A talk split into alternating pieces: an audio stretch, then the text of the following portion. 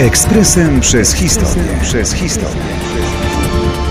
19 maja 1934 roku w Bułgarii doszło do wojskowego zamachu stanu.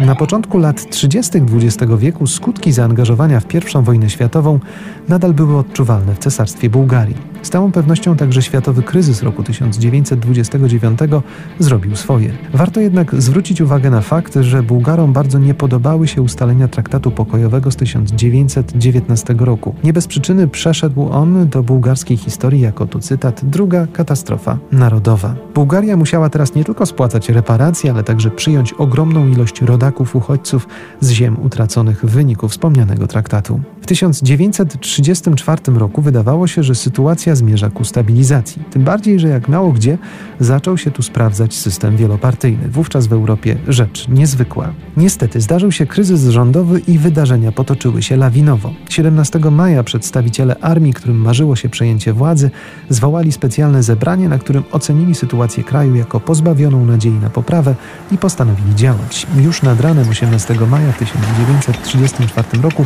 wojsko zajęło kluczowe urzędy w stolicy. O dziwo wszystko toczyło się bez większych walk i rozlewu krwi. Na stanowisko premiera delegowano Kimona Georgiewa, który natychmiast zaczął rządzić w sposób autorytarny. Szybko unieważniono obowiązującą dotąd konstytucję, co więcej zdelegalizowano wszystkie partie polityczne, a nawet związki zawodowe. Nazwać to zamachem na demokratyczny ład to mało. Nie poruszono jednak oficjalnie kwestii obalenia monarchii. Car Borys II czuł jednak, że musi przejąć inicjatywę i starał się tłumić autorytarne zapędy hunty. Czy mu się to udało, to materiał na inną opowieść.